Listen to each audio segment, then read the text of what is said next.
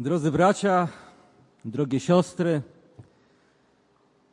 jeśli człowiek z Open Doors wchodzi do tego zboru, to tak trochę czuje, że wszedł w Ziemię Świętą. Bo wiecie, Warszawa jest takim miastem, gdzie działo się wiele cudów. Bo tam, gdzie jest lud Boży, jest Ziemia Święta. Bo tam jest Bóg pośrodku chwały w zgromadzeniach swojego ludu. I 15 lipca 1955 roku, czyli niedługo będziemy mieli rocznicę, do Warszawy na piąty Światowy Festiwal Studentów i Młodzieży, wtedy to się nazywało, przyjechał młody baptysta z Holandii, który później został szerzej znany jako brat Andrew. Nie będę mówił jego holenderskiego nazwiska, bo nie potrafię, wiecie. Za każdym razem, jak człowiek mówi to przy Holendrach, to mówią nie tak, nie tak, więc, więc zostańmy, że to był brat Andrew. Wiecie, przyjechał tutaj i gdzie pójdzie baptysta, powiedzcie? Najpierw. Do baptystów. Nie było, absolutnie nie było. Był zbór, byli wierzący. I wiecie, w czasie tego kongresu zobaczył, że w Polsce Kościół nie żyje w takiej wolności jak Kościół w Holandii czy w Europie Zachodniej. I zapragnął wielką, wielkim pragnieniem, żeby pomagać chrześcijanom, żeby się za nich modlić. I my, Polacy, jesteśmy narodem honorowym, nie? Zdecydowanie. I wiecie, od tamtego czasu zaczęto organizować kampanie modlitewne o wolność dla chrześcijan w Polsce, w Czechosłowacji, w NRD, w Związku Radzieckim. I wielu liberalnych chrześcijan, no też baptystów trzeba powiedzieć, przychodziło i mówiło: stuknijcie się w łeb. Żelazny mur nigdy nie padnie, sytuacja się nie zmieni, a wasze modlitwy co mogą? Wiele może usilna modlitwa sprawiedliwego. W 89 roku żelazny mur runął. I być może, wiecie, czasami myślimy, że stało się to jedynie z powodów politycznych, gospodarczych, ale stało to się z tego powodu, że tak chciał Pan Bóg, że o to modlił się Kościół. I dzisiaj żyjemy w wolności. I jako chrześcijanie, którzy żyją w wolności, możemy coś oddać, nasze modlitwy. Możemy dzisiaj modlić się za tych, którzy nie mają takiej wolności zgromadzania się jak my, którzy nie mają takich pięknych kaplic i takich fajnych streamów, które można śmiało oglądać w internecie. I moi drodzy, dla polskiego oddziału Open Doors to miejsce też jest ważne, bo w 2010 roku tutaj między innymi w tej kaplicy było takie spotkanie, gdzie rozpoczęliśmy naszą pracę, więc dla nas to jest naprawdę szczególne miejsce. I moi drodzy, skupmy się na Słowie Bożym. Bycie Słowo Boże jest bardzo praktyczne i Słowo Boże pokazuje nam prawdziwy sens chrześcijaństwa, wiary. I my, jako chrześcijanie, jako baptyści, szczególnie wierzymy w wartość nowego narodzenia. Taką wartość, że człowiek nie staje się chrześcijaninem jedynie z woli drugiego człowieka, czy to ojciec, czy matka, ale staje się z woli Boga, który powołuje nas do tego, że już jesteśmy dziećmi Boga. Wierzycie w to, kochani? I wiecie, w dzisiejszej Ewangelii słyszeliśmy piękną lekcję o nowonarodzeniu. Z jednej strony o lęku przed przyjściem do Pana, a z drugiej strony o pięknej odpowiedzi Pana wobec człowieka, który przychodzi, nie wie, zastanawia się, ale wie rzecz kluczową, że Jezus jest tym od Boga. Jest tym, którego poświadczają cuda i znaki. I wiecie, w Ewangelii świętego Jana w rozdziale trzecim, w wersetach od pierwszego do drugiego czytamy. A był człowiek z faryzeuszów imieniem Nikodem, dostojnik żydowski. Ten przyszedł do Jezusa w nocy i rzekł mu: Mistrzu, wiemy, że przyszedłeś od Boga jako nauczyciel. Nikt bowiem takich cudów czynić by nie mógł, jakie ty czynisz, jeśli by Bóg z nim nie był. I moi drodzy, dzisiaj jest wielu takich Nikodemów. Ludzi, którzy nie mogą przyjść w środku dnia do kaplicy, nie mogą otworzyć Biblii, ale zgromadzają się przy stopach swojego mistrza gdzieś w nocy, w zamkniętych pomieszczeniach, szukając odpowiedzi, czy Ty jesteś tym, tego, którego szukamy, czy też nie. Jest taki brak Abdul. Brat Abdul był typowym muzułmaninem. Obchodził święta, czytał Koran, w czasie ramadanu pościł i kiedyś w internecie przeczytał rozmowę Jezusa z Nikodemem. I stało się coś przecudownego.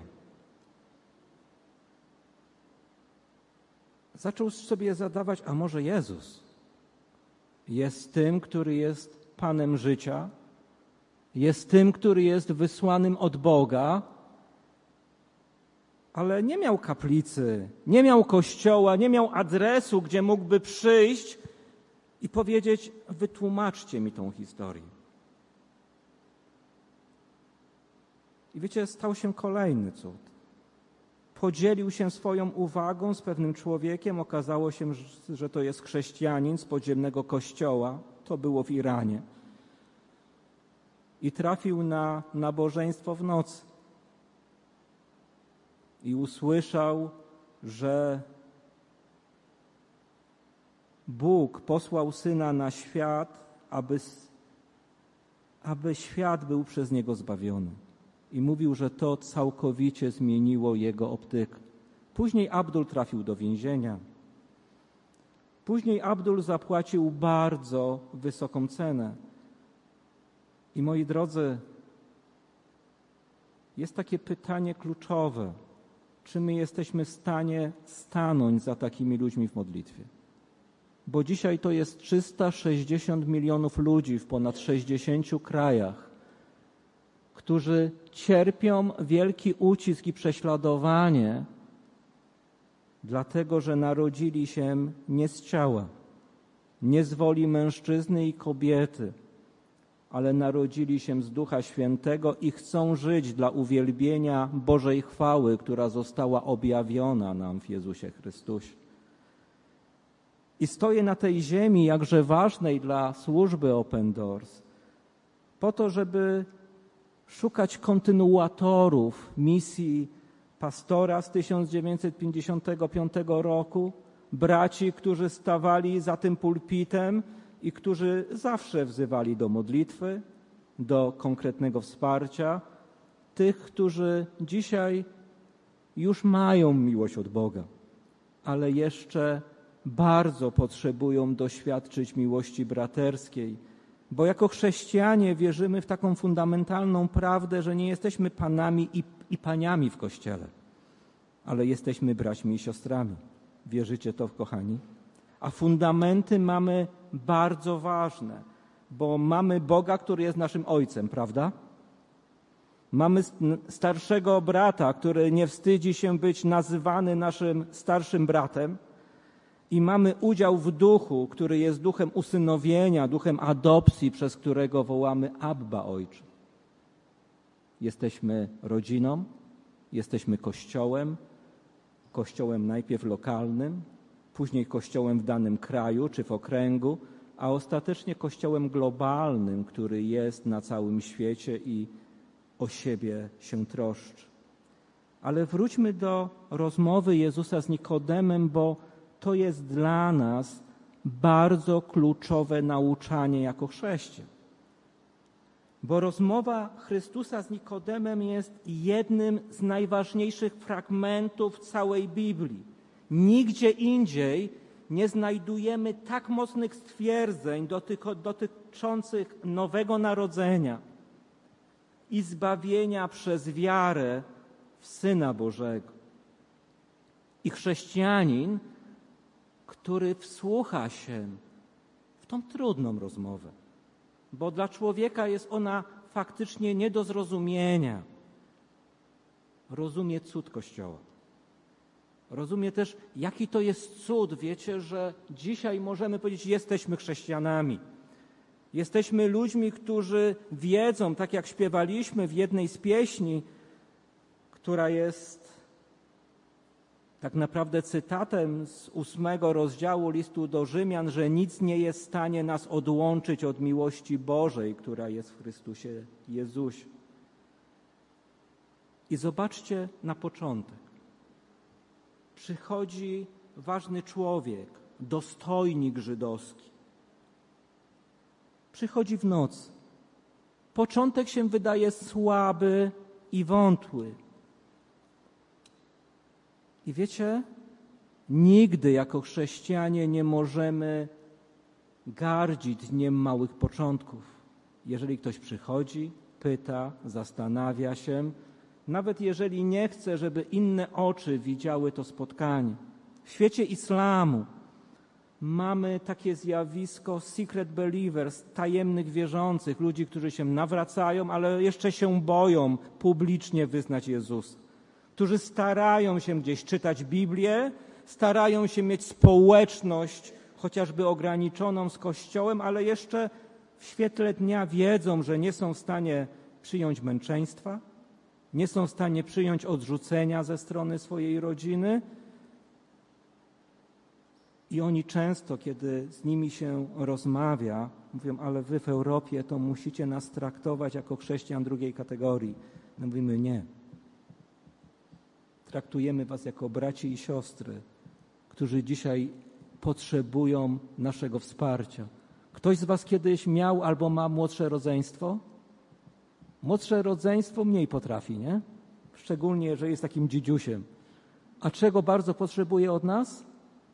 Troski, uwagi, zrozumienia i dobrego przykładu.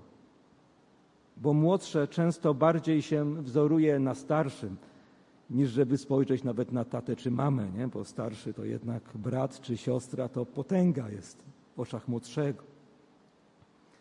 I zobaczcie, Nikodem przyszedł w noc. Ale ten sam Nikodem, później, kiedy w otwartym dniu uczestniczył w Radzie Żydowskiej, potrafił stanąć w obronie Chrystusa. Tak jak czytamy w Ewangelii Świętego Jana w siódmym rozdziale, w pięćdziesiątym pierwszym wersecie, mówi, czy zakon nasz sądzi człowieka, jeśli go wpierw nie przesłucha i nie zbada, co czyni? Już jest odwaga.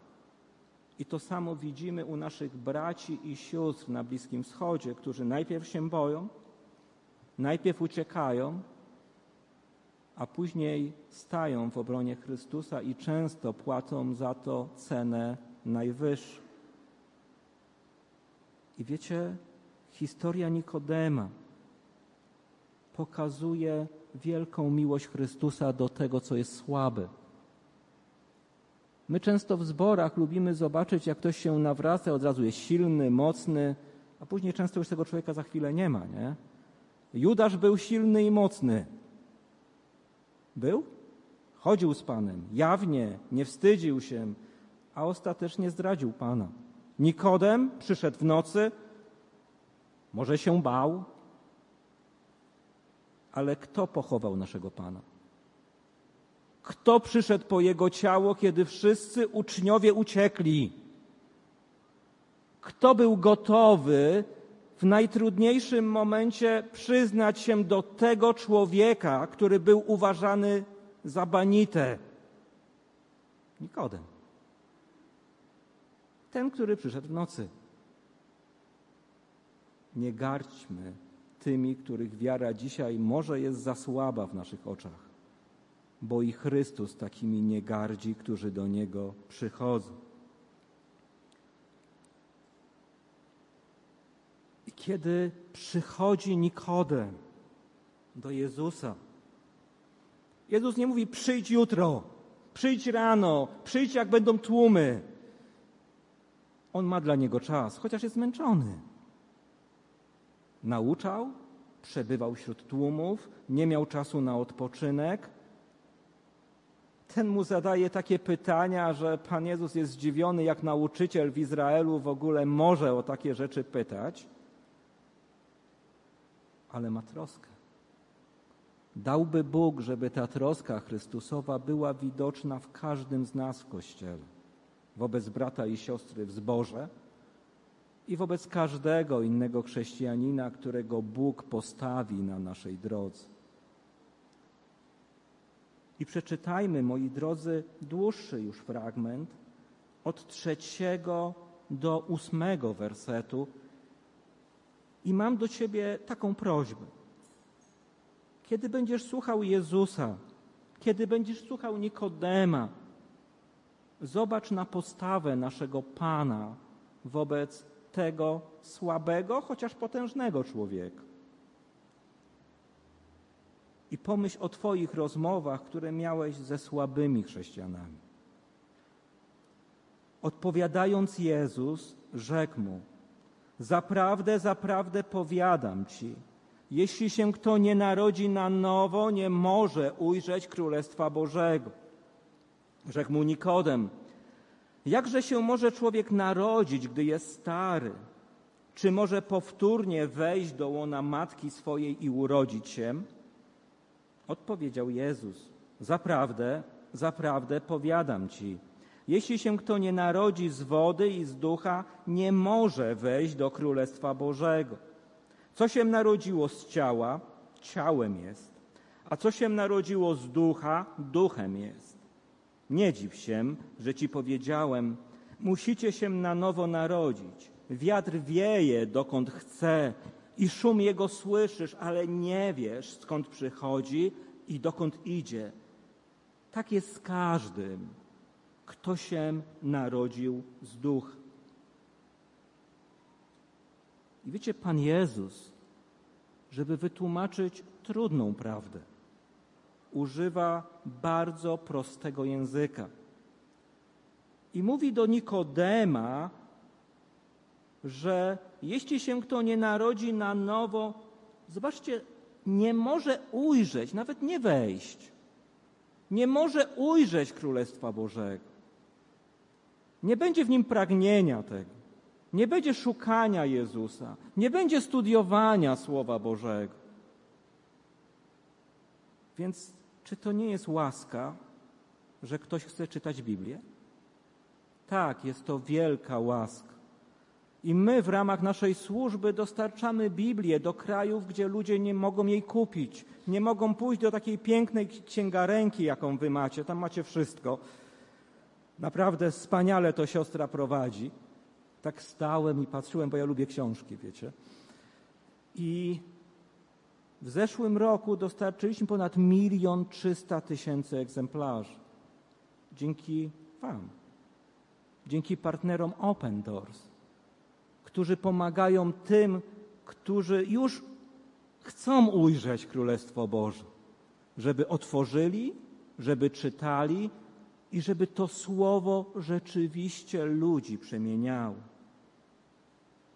I Pan Jezus, wiecie, używa tu ciekawych określeń. Z jednej strony mówi o narodzeniu na nowo, a z drugiej strony mówi coś, co też jest istotne.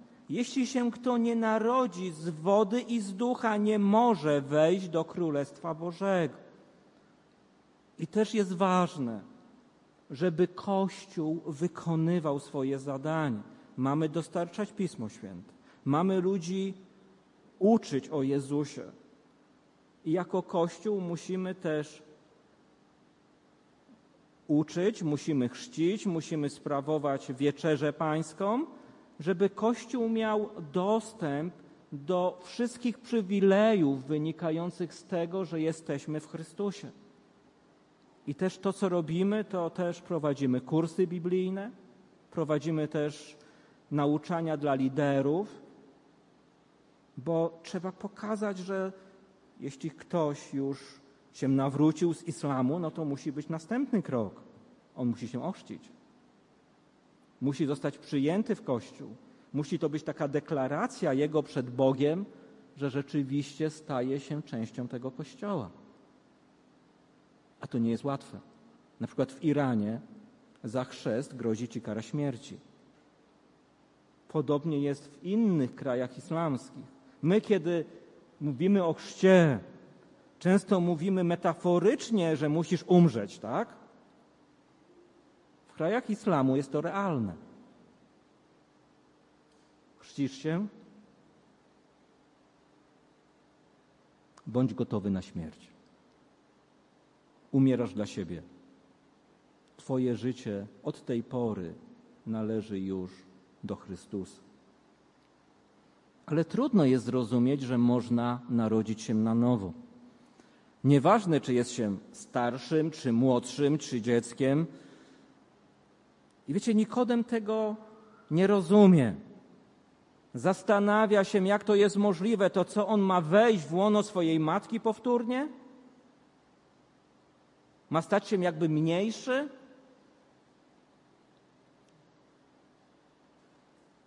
A Pan Jezus pokazuje, że jeśli człowiek nie będzie wewnętrznie odmieniony przez Ducha Świętego, nigdy nie narodzi się na nowo. Musi też być oczyszczony. Żeby posiąść przywileje judaizmu, Nikodem musiał urodzić się z nasienia Abrahama według ciała. Aby posiąść przywileje Królestwa Chrystusowego, człowiek musi się narodzić. Ja lubię to określenie z greki z góry. My mamy na nowo się narodzić, ponownie się narodzić, narodzić się z Ducha Świętego. I byłem w wielu krajach jako przedstawiciel Open Doors. Byłem w Butanie, w Iraku, w Meksyku. No i gdzieś tam jeszcze byłem, teraz nawet tego nie, nie, nie będę wymieniał. I wiecie, to jest też niezwykłe, że możesz być wśród ludzi, którzy mają inny kolor skóry niż ty, ale wiesz, że to są twoi bracia i siostry. Pamiętam, jak byłem w Republice Środkowoafrykańskiej, wiecie, byłem w takich wioskach, gdzie nigdy nie widziano białego człowieka. Jak przybiegali ludzie, przykładali ręce i mówili, niesamowite, zobacz, tak się różnimy, a jesteśmy braćmi i siostrami. Ja mam akurat taką samą skórę w jednej i drugiej ręce, ale tamto mocno działało. Spójrz na ten zbór. Czy widzisz braci i siostry? To jest rzecz kluczowa, bo nie będziesz wspierał Open Doors, nie będziesz wspierał prześladowanego Kościoła, jeśli nie jesteś częścią Kościoła. Cię to nie będzie interesowało. Znajdziesz sobie wiele organizacji charytatywnych, które może będą lepsze, może będą gorsze, ale będą ci wtedy bardziej odpowiadać. I wiecie, przemiana, o której mówił nasz Pan, jest konieczna do zbawienia. Nie jest to coś powierzchownego, że inaczej się w niedzielę ubieramy. Powiedzmy, chrześcijanie chodzą w garniturach w niedzielę, nie? Nie. No, niektórzy chodzą, a niektórzy nie. Ale chrześcijanin chodzi naprawdę w Duchu Świętym. I może być inaczej odebrany od nas, ale zauważymy zmianę moralną, zmianę zewnętrzną i wewnętrzną człowieka, jego inne zapatrywanie na świat. Jeden z takich braci, Samir z Iranu, opowiadał, że jego przyjaciel zauważył, że coś się z nim dziwnego stało, kiedy kelner mu wydał zbyt dużo pieniędzy w restauracji i ten poszedł do kelnera zwrócić. Powiedział, coś nienormalnego się z nim stało. Bóg go odmienił. Uczciwość Chrystusowa stała się częścią jego charakteru. I to nie jest, wiecie, jedynie jakaś reformacja zewnętrzna, to nie jest zmiana, nie wiem, charakteru, jak ludzie czasami próbują być lepsi i trochę im się udaje. Jest to naprawdę gruntowna przemiana serc, woli. Jest to, jak Pan jak prorocy Starego Testamentu mówią, że wypisane czy, czy też włożenie w nasze serce zostaje Boże prawo. No już nie jest zewnętrzne, nie robimy, bo się czegoś boimy, robimy, bo mamy naturę dzieci Bożych. i kochamy Pismo Święte, kochamy Jego przykazania, chcemy Bożą wolę realizować. I jest to jak przejście ze śmierci do życia. Jest to, wiecie, jak przejście dziecka, które jest w łonie matki, jest widoczne, rodzi się, już samo je, już samo zaczyna funkcjonować, rosnąć. Jest to naprawdę nowonarodzenie. Jest to zupełna przemiana. Nowa natura życia, nowe nawyki życia, nowe usposobienia, nowe pragnienia, nowy sposób oglądu rzeczywistości. I nasz Pan oświadcza, że wszyscy potrzebujemy nowego narodzenia. Muzeumanie i ludzie, którzy nazywają się chrześcijanami, buddyści i ci, którzy nazywają się ateistami, Żydzi i hinduiści. Każdy potrzebuje, żeby Bóg wzbudził go ze śmierci duchowej ku duchowemu życiu. I ta przemiana serca jest absolutnie konieczna do zbawienia ze względu na zepsuty stan ludzkiej duszy. Co się narodziło z ciała, mówi nasz Pan, ciałem jest. Podlega zepsuciu, zniszczeniu. I taka jest prawda. Bo ludzka natura upadła całkowicie i cielesny umysł jest wrogo nastawiony wobec Pana. Nie mamy naturalnej skłonności, żeby mu być posłusznymi, żeby realizować jego wolę. I żadne dziecko Adama pozostawione samo sobie nigdy nie zwróciłoby się do Boga. I w to wierzymy. I to jest coś niezwykłego, kiedy widzisz, jak ludzie się nawracają. Bo w co w tym widzimy? Bożą ingerencję, Bożą łaskę, Bożą przychylność. Boga, który naprawdę jest miłością i przychodzi do grzesznika, który zasłużył sobie tylko na sąd, a co otrzymuje? Usynowienie, odpuszczenie grzechów, włączenie w poczet dziedziców królestwa. I tej potężnej przemiany nigdy nie, dokun, nie, dokun, nie dokonamy sami. To jest narodzenie. Kto z Was narodził się sam? Bez mamy, bez pomocy taty. Kto sam postanowił, że zostanie człowiekiem? Nie znam takiego. I wy zapewne takiego człowieka nie znać. Żaden człowiek nie jest autorem swojego własnego istnienia. I żaden człowiek nie może ożywić swojej duszy. Równie dobrze można by oczekiwać, że człowiek martwy da sobie życie, jak i to, że człowiek w stanie naturalnym, w stanie upadku uczyni siebie człowiekiem duchowym. Nikodem był człowiekiem wykształconym. Był elitą religijną tamtych czasów, był członkiem Sanhedrynu. Ale rozumiał Jezusa? Nie.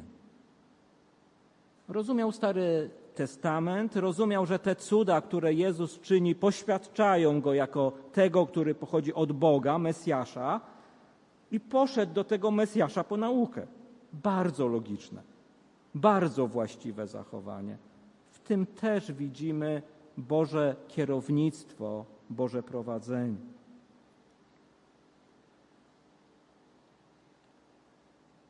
I zapamiętajmy, że dawanie życia, zarówno tego duchowego, jak i fizycznego, jest prerogatywą Boga. Bóg daje życie. Bóg też je zabiera w odpowiednim czasie. I tylko nasz Pan mówi ludzką duszom, duszom narodź, naródź się na nowo. Powstań z martwych. Bądź tym, który będzie mnie uwielbiał. Pamiętam takiego brata Saida. Chłopak był z Iraku, jest z Iraku. On był w takiej grupie Diva Islami, to byli tacy radykalni muzułmanie, według mnie nawet radykalniejsi od państwa islamskiego. I on był w takiej komórce, która niszczyła, zamordowała chrześcijan, którzy dystrybuowali Biblię. I Said opowiadał, że kiedyś wpadli do jednego domu w Bagdadzie, tam się modliło pięciu braci, otrzymali Biblię z Open Doors. Dziękowali Bogu, że te Biblie do nich doszły, chcieli ewangelizować, chcieli, żeby ludzie naradzali się na nowo. I mówi, zaczęliśmy ich bić. I wiesz, człowiek, którego biłem, zaczął mi błogosławić. Zaczął mówić, obyś poznał Jezusa i uzyskał pokój w sercu. I Said mówi, że wiesz, ja nie wytrzymałem i mu poderżnąłem gardło.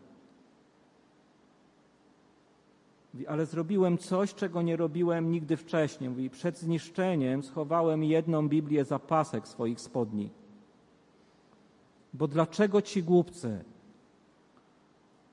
chcą ginąć za tą księgę?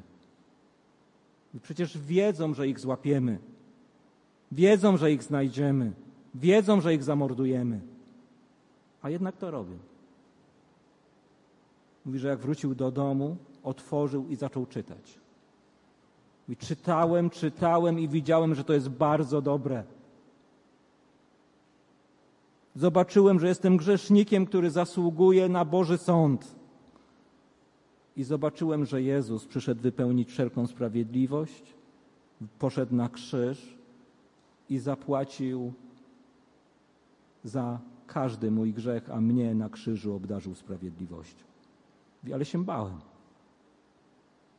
bo wiedziałem, że jak zosta- się nawrócę, zostanę chrześcijaninem.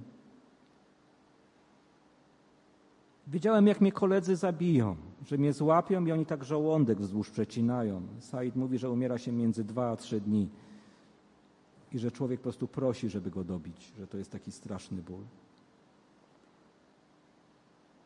Ale nie mógł tak pozostać. bo dziecko musi się narodzić, nawet w bólach. Wiecie, nawrócił się. Narodził się na nowo. A nawet znalazł, wiedział, gdzie jest w okolicy pastor. O piątej rano zjawił się w jego domu. Said mówi, że wszedł grzecznie. Pastor twierdzi, że z dwoma drzwiami. Trochę te tu ich zeznania się różnią. I Said, wiecie, padł przed tym pastorem i powiedział: Chcę mieć pokój w sercu, proszę ochrzcij mnie. Bo zrozumiał, że się nawrócił, zrozumiał, że został wzbudzony z martwych i teraz potrzebuje chrztu na potwierdzenie swojego przymierza z Panem. I wielu ludzi dzisiaj potrzebuje braci i sióstr w Polsce tak jak Nikodem mógł przyjść do Jezusa, ci ludzie też mogą, ale też potrzebujemy Kościoła. Potrzebujemy wsparcia, potrzebujemy modlitwy, potrzebujemy autentycznej jedności, nie tylko takiej deklarowanej, że raz w roku zrobi się jakieś nabożeństwo, tylko że będziemy o siebie dbali na co dzień. I Pan Jezus mówi też niesamowite słowa kiedy myślimy o działalności Ducha Świętego. Wiatr wieje dokąd chce i szum jego słyszysz, ale nie wiesz skąd przychodzi i dokąd idzie. I tak jest z każdym, kto się narodził z ducha. Kiedy wieje wiatr, każdy z nas wie, że wieje, nie? Mówimy, zamknij okiennicę, wieje, wieje wiatr. A jakby nas się spytać, jak wygląda wiatr, nikt nie wie. Jesteśmy dzisiaj tacy mądrzy, że nawet potrafimy przewidzieć, kiedy zawieje, jak zawieje, ale nikt wiatru nie widział, ale każdy go doświadczył. I to jest piękne porównanie. Piękne porównanie do Ducha Świętego, który przychodzi do kogo chce, jak chce, kiedy chce, z mocą, którą chce i zupełnie wszystko zmienia. I czasami, wiecie, ludzie pytają się nas, a jak tam na Bliskim Wschodzie, jak z nawróceniami? Bóg wieje tam, gdzie chce. Nie słyszysz, nie widzisz, a On wykonuje swoją pracę w sposób naprawdę doskonały. A czy potrzebuje do tego kościoła? Tak. Nie dlatego, że nie ma mocy, ale dlatego, że tak postanowił. Że my, jako bracia i siostry, mamy współudział w dziele zbawienia, w dziele nauczania, w dziele kształtowania czy też formowania Kościoła, jak to woli. I to jest przywilej, ale też obowiązek. I to Bóg rzeczywiście dzisiaj, kochani, zmienia świat islamu. Do 1994 roku w oficjalnej wykładni islamu było tak, że nigdy żaden muzułmanin nie nawrócił się na chrześcijaństwo.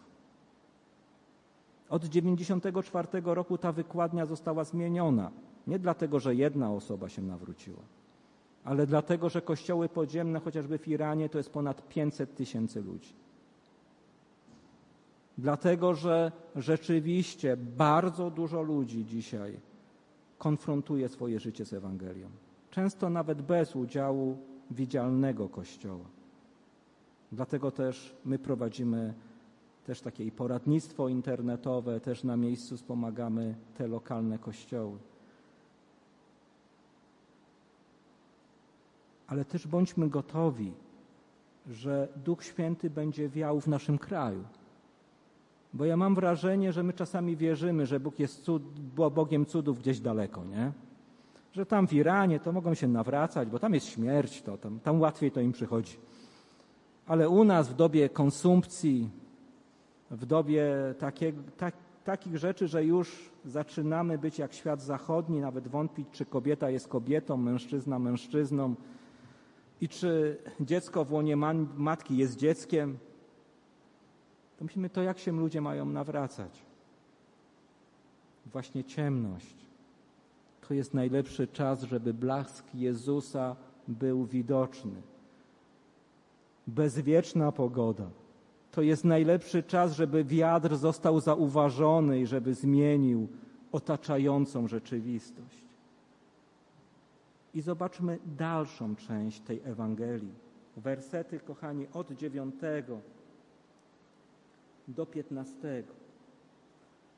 Odpowiedział Nikodem i rzekł do niego: Jakże to się stać może? Odpowiedział Jezus i rzekł mu: Jesteś nauczycielem w Izraelu, a tego nie wiesz? Zaprawdę, zaprawdę powiadam ci, co wiemy, to mówimy i co widzieliśmy, o tym świadczymy, ale świadectwa naszego nie przyjmujecie. Jeśli nie wierzycie, gdy wam mówiłem o ziemskich sprawach, jakże uwierzycie, gdy wam będę mówił o niebieskich. A nikt nie wstąpił do nieba, tylko ten, który stąpił z nieba, Syn Człowieczny.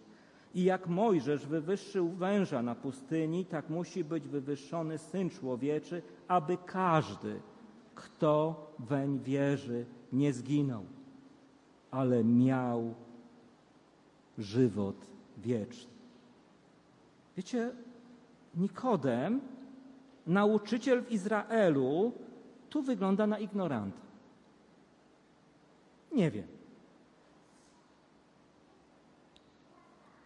I nie ma nic piękniejszego, kiedy nie wiemy, a przychodzimy do źródła wiedzy, do Jezusa, do tego, który jest Słowem Bożym. I za każdym razem, kiedy otwieramy Słowo Boże, On do nas mówi. Taką siostrę spotkałem w Republice Środkowoafrykańskiej. Tam prowadzimy też kursy nauczania czytania i pisania. Siostra Mejwa. Ona mówiła, że od dzieciństwa miała marzenie, żeby rozmawiać z Bogiem. Ktoś kiedyś też miał takie marzenie? Taki prawdziwy dialog. Mówisz ty, mówi Bóg. Mówi, wiesz, ja tylko do Niego mówiłam. Bo rano wstawałam przed piątą, ona była najstarszą córką, zajmowała się dziećmi, później szła pracować. Ale tylko ja mówiłem, a to nie jest rozmowa, nie? Mówisz, mówisz, mówisz i nic nie słyszysz. I kiedy w jej zborze był ogłoszony kurs nauki czytania i pisania, tak, koszt takiego kursu to 80 zł. To jest roczny kurs.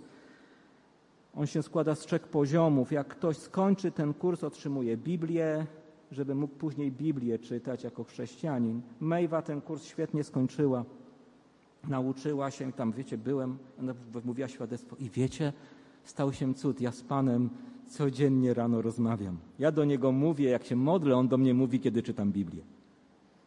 I to jest dialog. I wiecie, mamy prawo brać udział w takim dialogu. Masz takie marzenie? Módl się mi czytaj. Marzenie będzie zrealizowane w jednym momencie. Ignorancja będzie odchodzić. Będziemy coraz bardziej przepełnieni Chrystusem, Jego Słowem, Jego wiedzą. I moi drodzy, kto jest źródłem miłości? Kto jest źródłem poznania? Od kogo to pochodzi? Oczywiście od Boga. Nie z nas. Nikodem nie wiedział.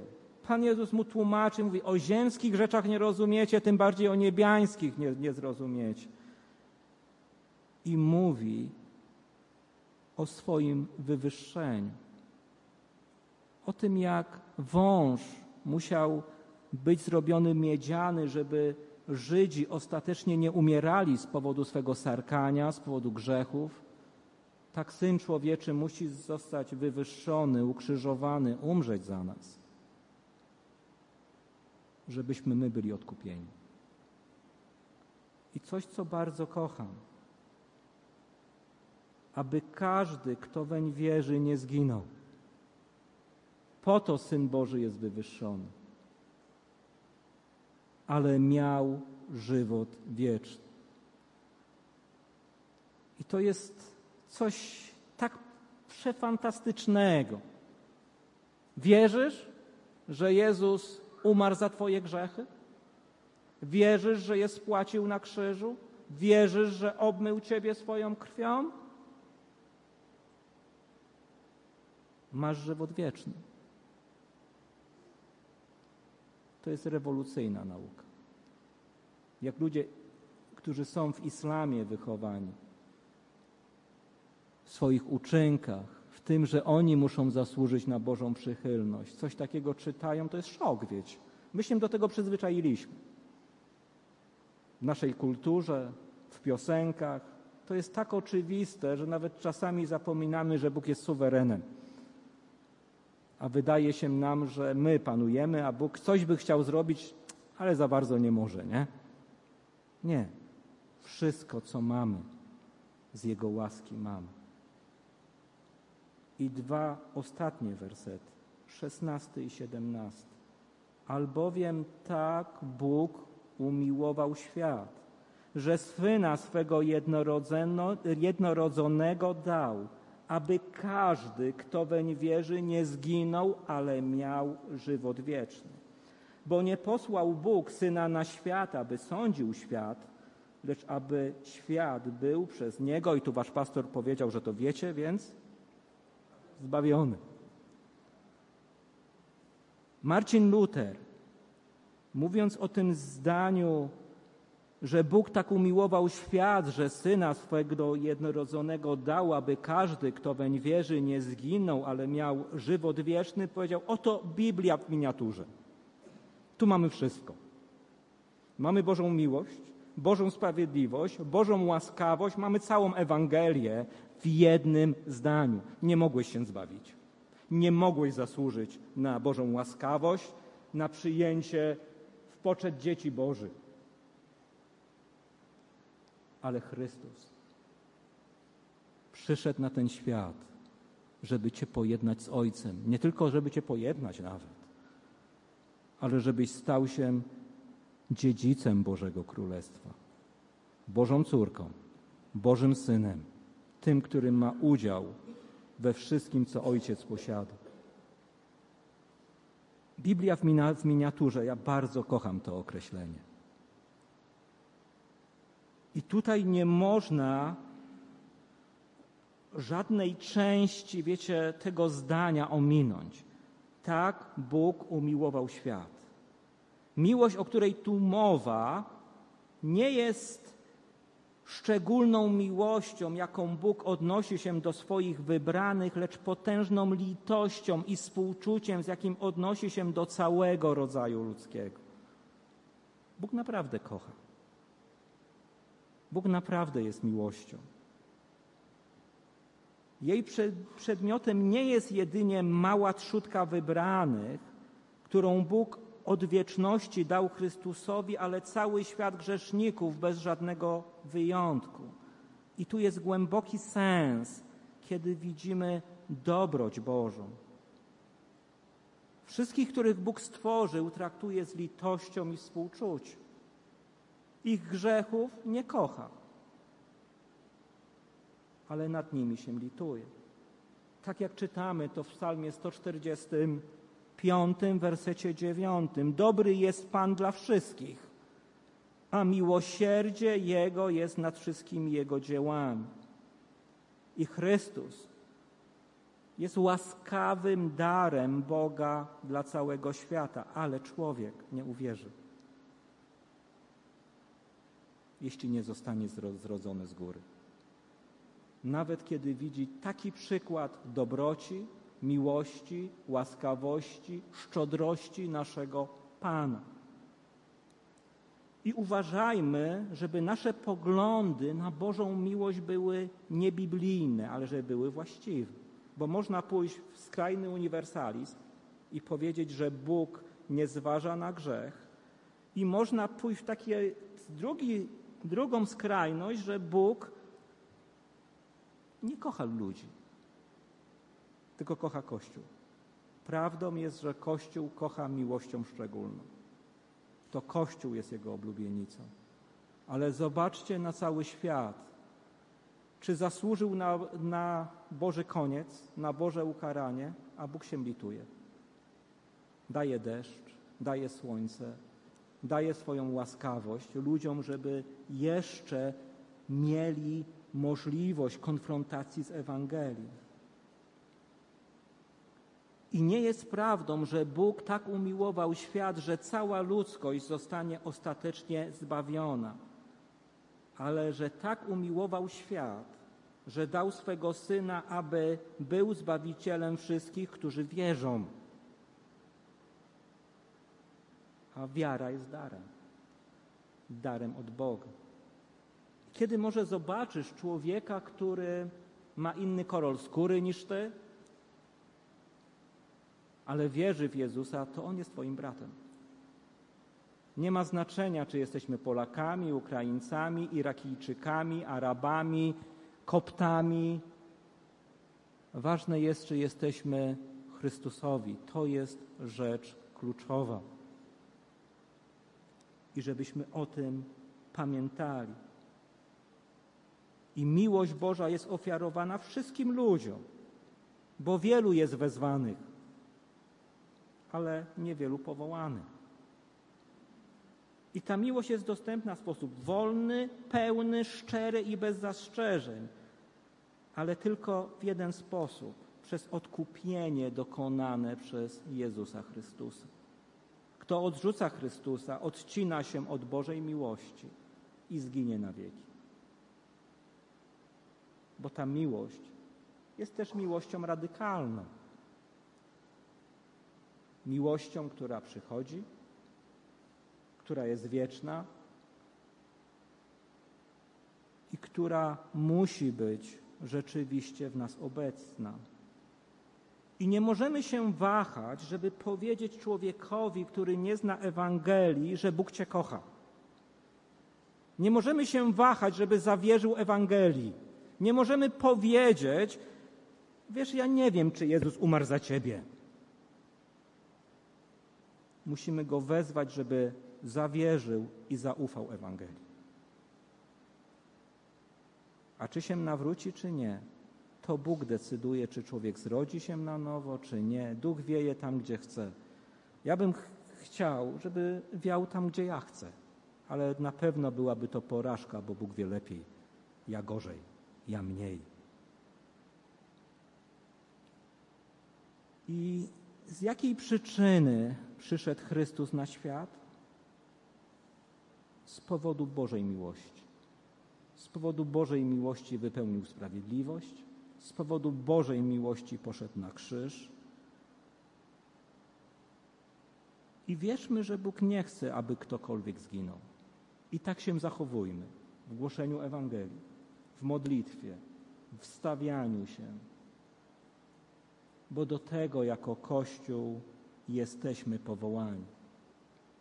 Jako Open Doors chcemy szczególnie pomagać kościołom, które pośrodku prześladowań głoszą Ewangelię, wzywają ludzi do upamiętania i czynią rzeczywiście uczniami tymi, którzy dzisiaj nie wierzą Chrystusowi, a nawet często uważają chrześcijaństwo za kłamstwo.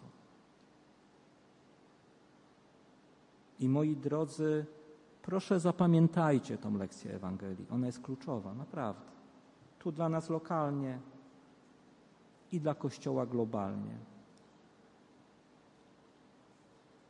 Bóg nie posłał swego Syna na świat, aby świat potępił, lecz aby świat przez Niego został zbawiony. I jako Kościół jesteśmy wezwani do głoszenia Ewangelii. Ewangelii o dobrym Bogu, który przyszedł na ten świat, żeby nas przez siebie z sobą pojednać. I też proszę Was, pamiętajcie o współczesnych Nikodemach.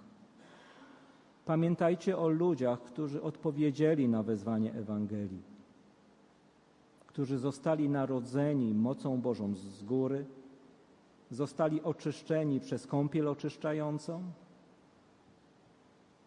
i którzy dzisiaj cierpią, bo mają tą samą pewność, którą i my mamy, że Chrystus umarł za ich grzechy. Brat pastor powiedział, że mam tam wystawione materiały. Jeden materiał jest materiałem szczególnym i bardzo proszę, bracie i siostro, skorzystaj z niego. Jest to, kal, jest to magazyn, Open Doors, który co miesiąc wydajemy. Znajdziesz tam świadectwa prześladowanych chrześcijan. W tym materiale masz akurat raport z naszej pracy z 2021 roku i naprawdę dowiesz się, że duch wieje tam, gdzie chce. Ludzie spotykają się z Ewangelią. I w środku znajdziesz taką wkładkę, która się nazywa kalendarzem modlitw. Tam są intencje na każdy dzień miesiąca. I proszę weź, zamów, tam jest taka karteczka, wyłożyłem długopisy, wypełnij, podpisz to, zostaw mi albo zostaw na tym stoliku i módl się za słabych Nikodemów, którzy dzisiaj potrzebują silnych i mocnych braci i sióstr, którzy ich podniosą i pozwolą razem wejść do Bożego Królestwa. Macie tam też książki, tam jest wszystko, co łaska. Kiedyś ktoś mnie się spytał, co to znaczy minimum łaska, jeden grosz więcej w Polsce nie mamy, maksimum to jest plus nieskończoność, czyli wy sami decydujecie. I jako Kościół proszę, bądźcie tymi, którzy w Warszawie wyjdą i będą mówili grzesznikom, że Bóg ich kocha i niech oni zawierzą w tą miłość, która została objawiona w jednorodzonym Synu Bożym Jezusie Chrystusie. Amen.